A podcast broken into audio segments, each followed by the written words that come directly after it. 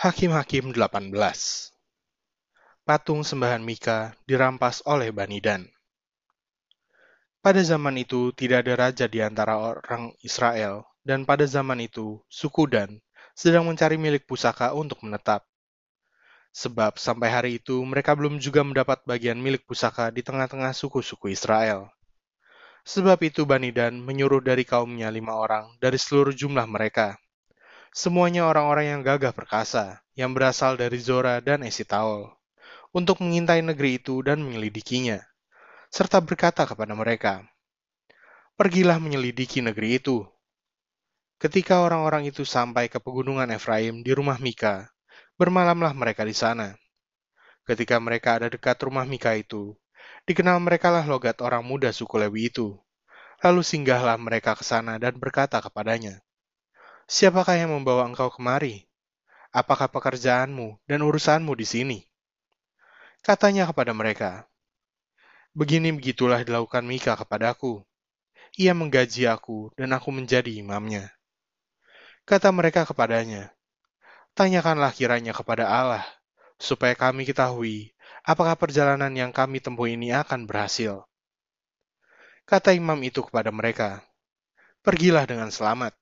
Perjalanan yang kamu tempuh itu dipandang baik oleh Tuhan. Sesudah itu, pergilah kelima orang itu, lalu sampailah mereka ke Lais. Dilihat merekalah bahwa rakyat yang diam di sana hidup dengan tentram, menurut adat orang Sidon, aman dan tentram.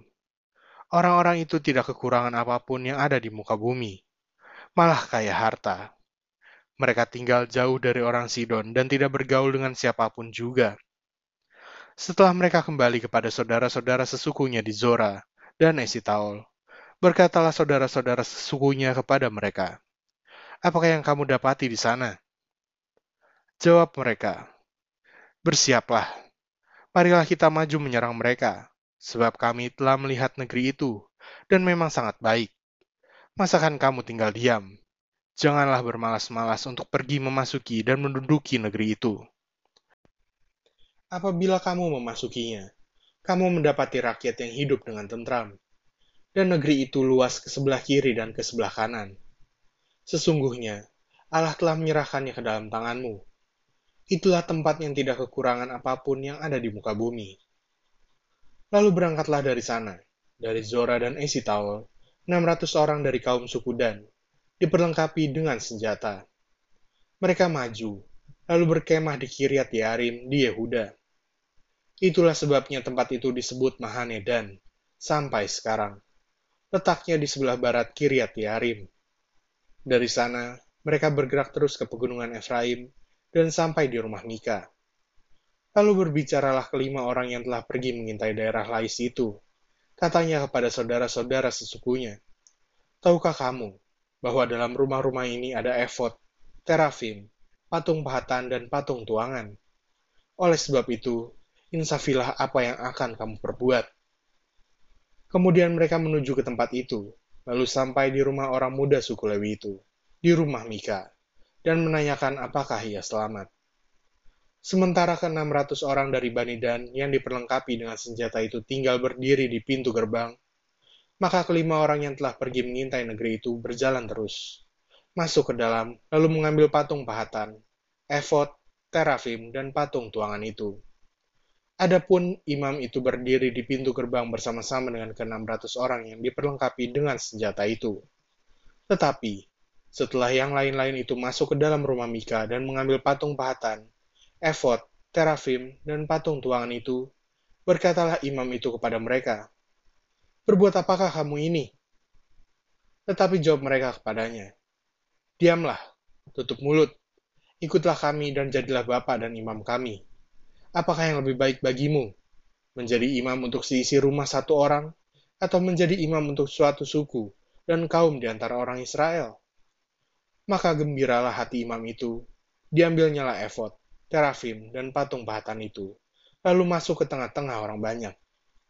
Kemudian berbaliklah mereka dan pergi, dengan anak-anak, ternak, dan barang-barang yang berharga ditempatkan di depan mereka.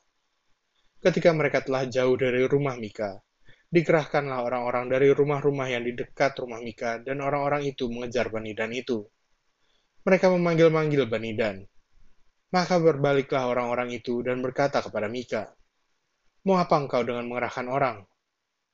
Lalu jawabnya, Allahku yang kubuat, serta imam juga kamu ambil, lalu kamu pergi.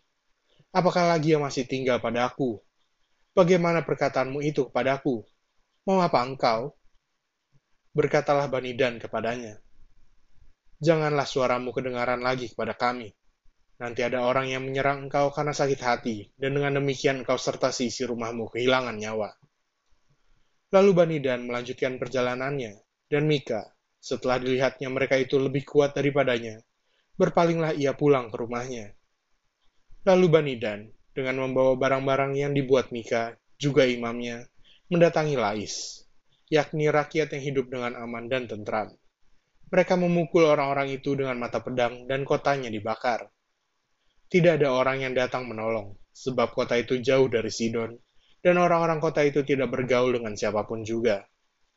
Letak kota itu di lembah Betrehob. Kemudian Bani Dan membangun kota itu kembali dan diam di sana.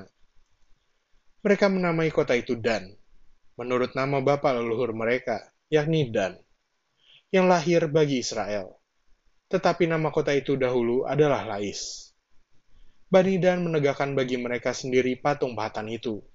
Lalu Yonatan bin Gersom bin Musa bersama-sama dengan anak-anaknya menjadi imam bagi suku Dan, sampai penduduk negeri itu diangkut sebagai orang buangan.